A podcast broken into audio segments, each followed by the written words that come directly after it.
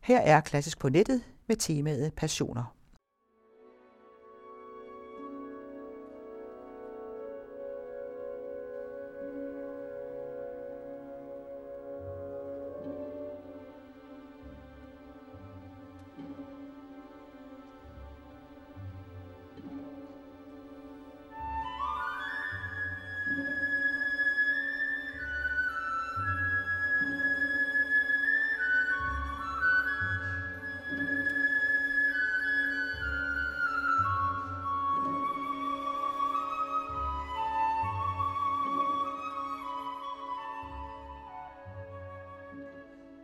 Drøm, passion, lidenskab kan musikken om noget bruges til.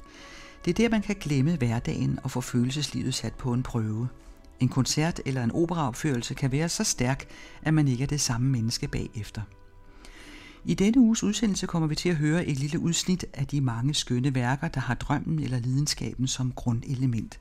Og vi lægger ud med blomsterarien fra Georges Bizets Carmen, hvor den unge sergeant Don José i Sevillas hede har fået drejet hovedet rundt af den forførende cigaretpige Carmen, selvom han egentlig havde sådan en sød barndomsveninde, men hende har han glemt alt om.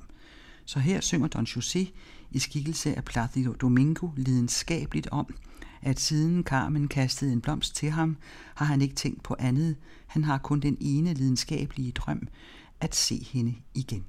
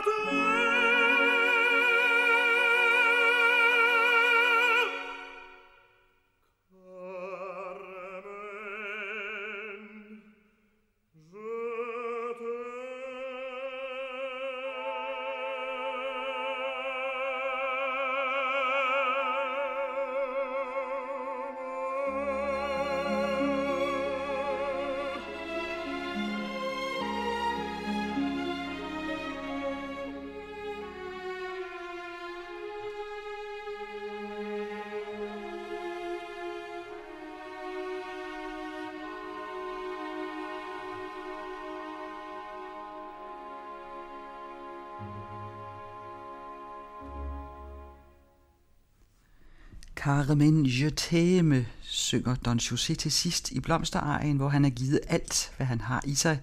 Men Carmen svarer blot køligt efter denne passionerede arie, nej, du elsker mig ikke.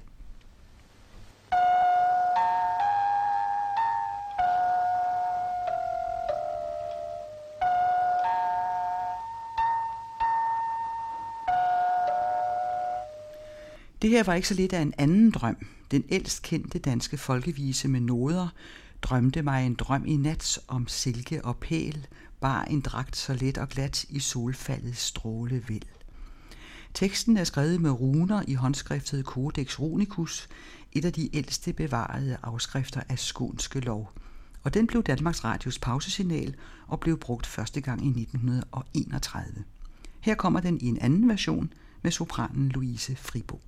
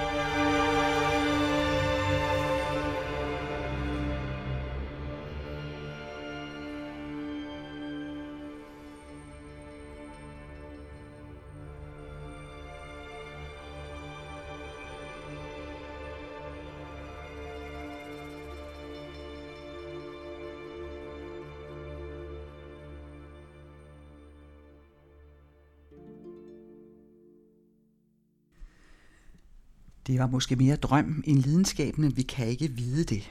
Men i hvert fald tilbage til lidenskaben, og den får vi i Hector Berlioz' fantastiske symfoni. Det hedder den, Symfoni Fantastique. En kæmpe symfoni med fem satser, og første satsen hedder simpelthen Drømme og lidenskab. Og næsten alle de stykker og satser, der handler om passion, er meget lange. For eksempel er denne første sats på et helt kvarter, så vi får ikke den hele, men essensen af den.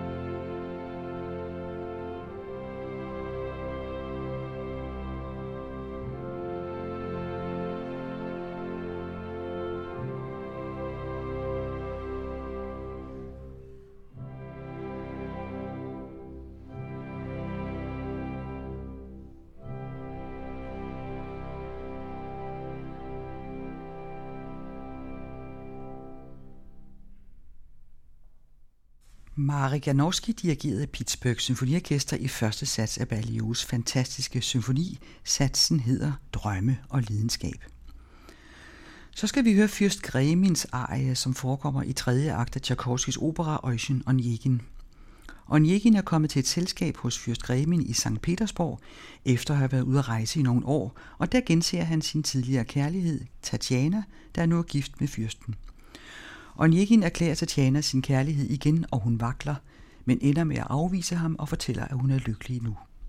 Og her skal vi høre en af de smukkeste kærlighedserklæringer i operalitteraturen, hvor Fyrst Gremin fortæller Onjekin, hvor meget Tatjana betyder for ham, og hvor højt han elsker hende. Det er en af de helt store bassangere fra tidligere tider, der synger Boris Christoph.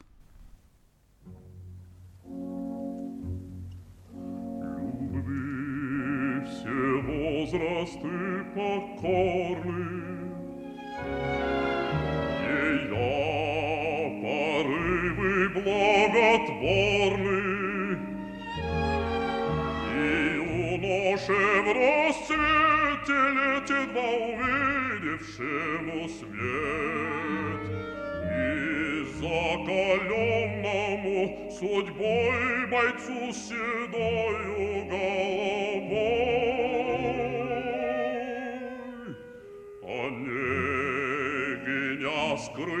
Скрывать не стану. Безумно я люблю Татьяну. Тоскливо жизнь моя текла, Она явилась и дала, Как солнце луч среди ненастья, Мне жизни молодость домой. Среди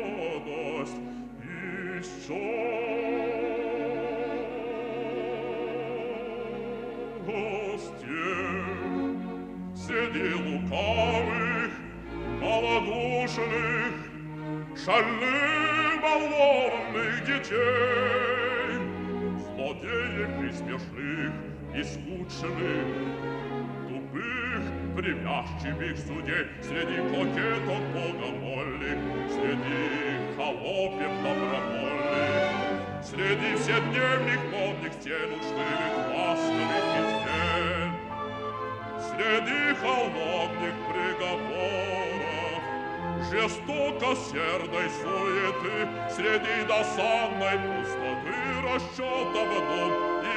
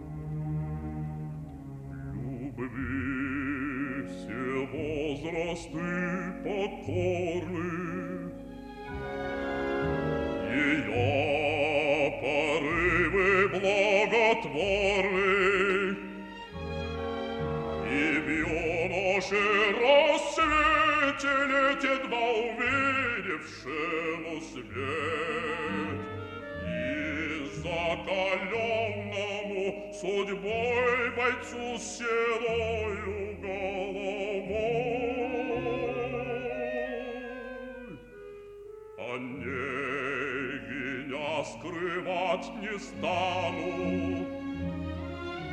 Безумно я люблю Татьяну, Тоскливо жизнь моя текла, Она явилась и дала, Как солнце луч среди ненастья, И жизни молодость домой. Oh.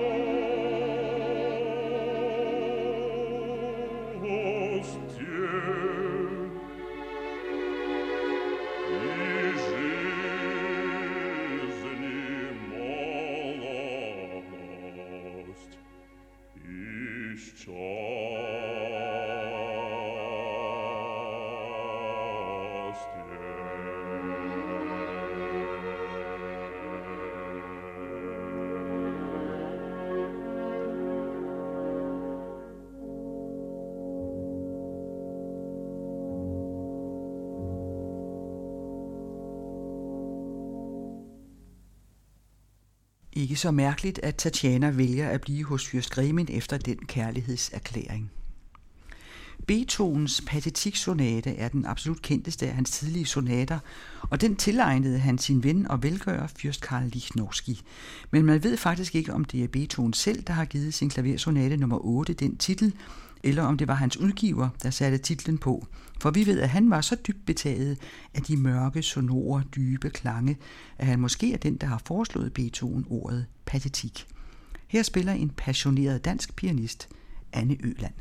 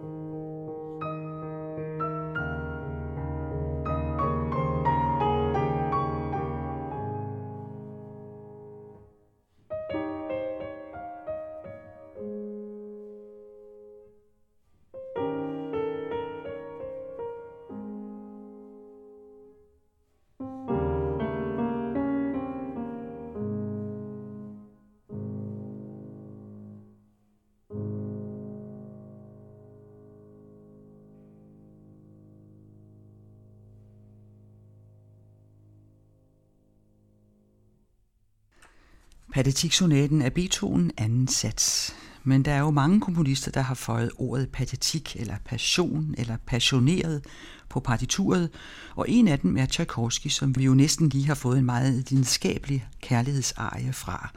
Men det her er hans sidste symfoni, symfoni nummer 6 med titlen Patetik. Tchaikovsky var ikke noget lykkeligt menneske, det findes der mange breve om. Han var homoseksuel, og det var på det nærmeste uforenligt med livet i Rusland i 1800-tallet, hans omgang med hans elever og meget mere. I sin fortvivlelse giftede han sig med en kvinde, der var betaget af ham, men ægteskabet varede kun nogle uger, så fik han et nervesammenbrud. Med hensyn til Patetik-symfonien, så ved vi, at det var Tchaikovsky selv, der gav den det navn, og symfonien er gennemsyret af personlige følelser. Da jeg skrev den, sagde han selv, græd jeg ofte voldsomt. Jeg elsker den. Jeg har aldrig før elsket en af mine kompositioner. Symfonien blev udført i 1893, og ni dage efter var han død. I mange, mange år ville man ikke tale om hans homoseksualitet, og dødsårsagen blev beskrevet som kolera, efter at han skulle have drukket urenset vand.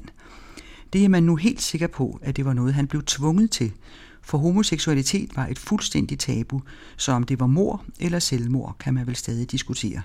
Men Tchaikovsky kunne i hvert fald få sine følelser ud i sin musik.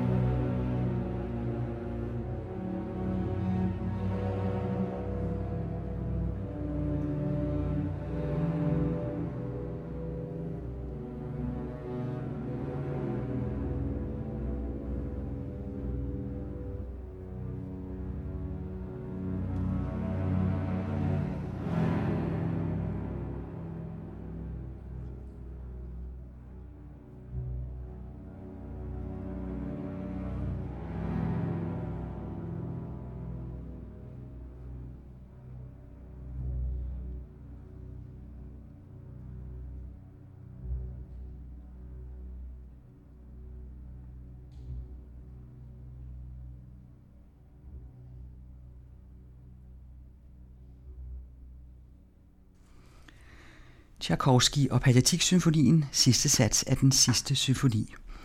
Det er nu også lidt pudsigt, som ord lyder forskelligt. På dansk er ordet patetisk et negativt ord. Det vil aldrig gå at oversætte Tchaikovskis 6. symfoni til den patetiske symfoni.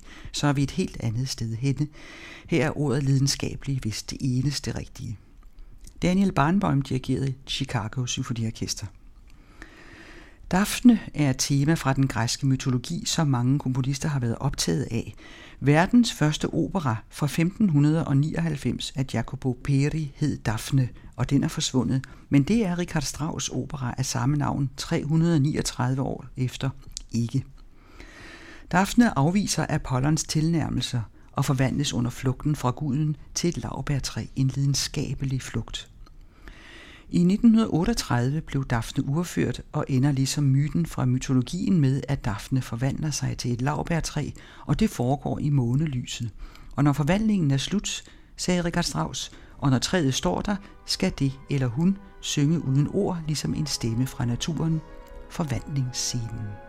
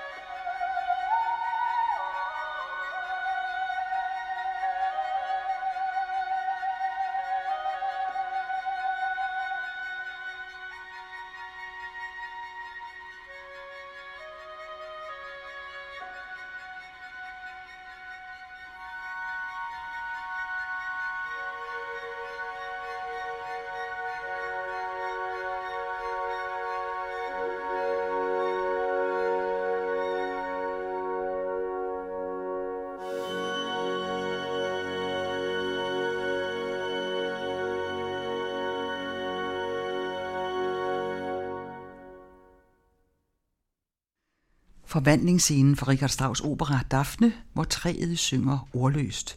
Pigen Daphne, der har forvandlet sig til et lavbærtræ for at undgå Apollons tilnærmelser. Det var Joanna Cole med Sydney Symfoniorkester. Og til sidst mere Daphne, og det er nok det stykke musik, jeg selv synes er det mest lidenskabelige af alle, Maurice Ravels ballet Daphnis og Chloé. Og jeg kan blive ved med at undre mig over den lille, totalt ulidenskabelige mand, som Ravel var. Lille bitte og tynd, og med forkærlighed for pastelfarvede skjorter og guldcigaret etui. Hjemme hyggede han sig med legetøjstog. Han havde sjældent gæster, og ingen kom nogensinde rigtig tæt på ham. Der findes en masse breve mellem ham og forskellige venner, men ingen kendte noget til hans indre liv.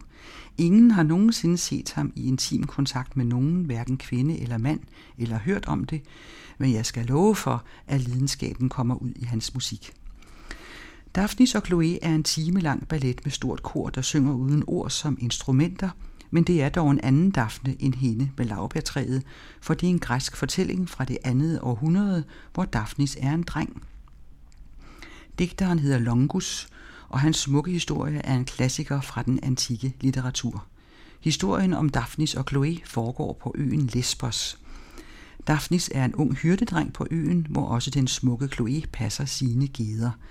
De forelsker sig i hinanden på den mest poetiske og ungdommelige måde, men Daphnis har en rival, den tåbelige Dorcon.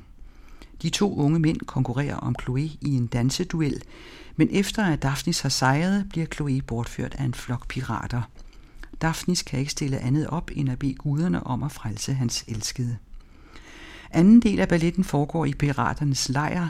Det er ballettens aggressive klimaks, hvor Chloe på ubehagelig vis tvinges til at danse. Hun underkaster sig deres ordre, men inden det udvikler sig endnu værre, griber hyrdeguden Pan ind og redder hende. Piraterne flygter i rejsel, og som ballettens finale følger en scene, der er en betingelsesløs hyldest til kærligheden. Til tonerne af den mest storslåede solopgangsmusik knæler Daphnis og Chloe foran nymfernes alter, og det er lige netop den musik, vi skal høre her til sidst i Klassisk på net om lidenskab og passion.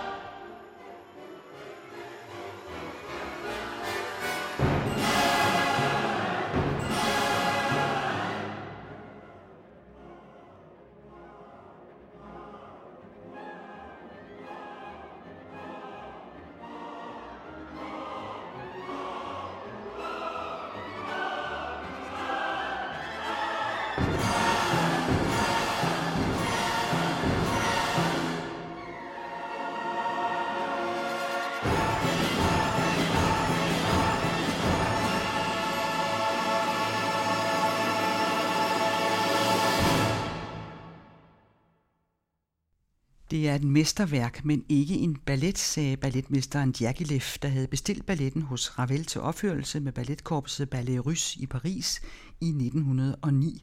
Og Ravel tog sit partitur under armen og gik sin vej. Men balletten blev naturligvis opført. Men det er i den grad meget oftere i koncertsalen, man hører denne musik ind på balletscenerne. Den har aldrig haft succes som danseforestilling, men det er et af de mest sublime orkesterværker fra begyndelsen af 1900-tallet. Her fik vi slutningen med London Symfoniorkester og kor, som Claudio Abbado dirigerede. Og først var det Placido Domingo som den overvældede Don José, der gav sin sjæl til Carmen i blomsterejen fra Bizets opera, og derefter kom først Danmarks Radios pauseudgave af Drømte var en drøm i nat, den ældst nedskrevne danske folkevise, der findes, og Louise Fribo sang den i en instrumenteret orkesterversion, som Svend Skipper har lavet, og det var med Bournemouth Sinfonietta. Første sats af Hector Berlioz' fantastiske symfoni hedder simpelthen Drømme og lidenskab, og den spillede Pittsburgh Symfoniorkester, som Marek Janowski dirigerede. Boris Christoph sang kærlighedsarien fra Tchaikovskis opera Øjsen Onegin, Fyrst Gremins arie om hans kærlighed til sin kone Tatjana. Og så fik vi anden sats af Beethovens patetiksonate, den spillede Anne Øland, og derefter mere patetik, nemlig Tchaikovskis symfoni nummer 6, Chicago Symfoniorkester, spillede den fantastiske fjerde sats, dirigeret af Daniel Barenboim, og Daphne kom så derefter, forvandlingsscenen i Richard Strauss opera, hvor pigen Daphne forvandler sig til et laurbærtræ, og så Daphnis og Chloe til sidst. Klassisk på nettet bliver redigeret af mig, Kirsten Røn.